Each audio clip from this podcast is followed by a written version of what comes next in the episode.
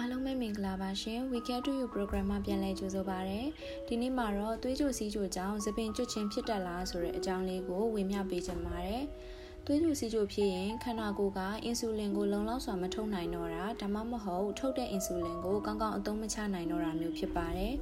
အင်ဆူလင်ကတော့မိမိစားလိုက်တဲ့အစားအစာတွေကရရှိတဲ့တကြားဓာတ်ကိုခန္ဓာကိုယ်ရဲ့ဆဲတွေကနေပြီးတော့အသုံးချနိုင်အောင်ကူညီပေးတဲ့ဟော်မုန်းတစ်မျိုးဖြစ်ပါတယ်။သွေးကြိုစီးကြိုကြောင့်ခန္ဓာကိုယ်ထဲမှာအင်ဆူလင်မလုံလောက်တဲ့အခါမှာတကြားတွေစုပုံလာပါတယ်။ ပိုရှန်လာတဲ့တကြားတွေဟာခန္ဓာကိုယ်ရဲ့အစိတ်ပိုင်းတွေနဲ့သွေးကြောလေးတွေကိုပျက်စီးစေပါတယ်။ကြောက်ကပ်မျက်လုံးတွေအပြင်သွေးကြောလေးတွေကိုထိခိုက်စေပါတယ်။ပျက်စီးလာတဲ့သွေးကြောတွေဟာကြာလာရင်သပင်မွေးညင်းပေါက်လေးတွေစီကိုအာဟာရဖြည့်ပေးဖို့အောက်ဆီဂျင်မတည်နိုင်တော့ပါဘူး။အဲ့ဒီအခါမှာသပင်အရှိနှေးတာသပင်ကျွတ်တာတွေဖြစ်လာတတ်ပါတယ်။သွေးကြိုစီးကြိုလိုနာတာရှည်ယောဂမျိုးနဲ့ရှင်တွဲနေထိုင်ရတဲ့အခါမှာ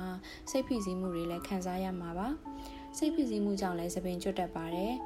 သွေးကြိုစီးကြိုတောက်ဆေးအချို့ရဲ့ဘေးထွက်ဆိုးကျိုးတွေကြောင့်လည်းသပင်ကျွတ်တက်တဲ့အပြင်အချို့သောသွေးကြိုစီးကြိုသမားတွေမှာခံစားရတဲ့ thyroid အကျိတ်ပြဿနာတွေကြောင့်လည်းသပင်ကျွတ်တက်ပါသေးတယ်။ဒီအပြင်နေထိုင်စားသောက်မှုပုံစံကြောင့်လည်းသပင်ကျွတ်တာမျိုးရှိတတ်သေးပါတယ်။။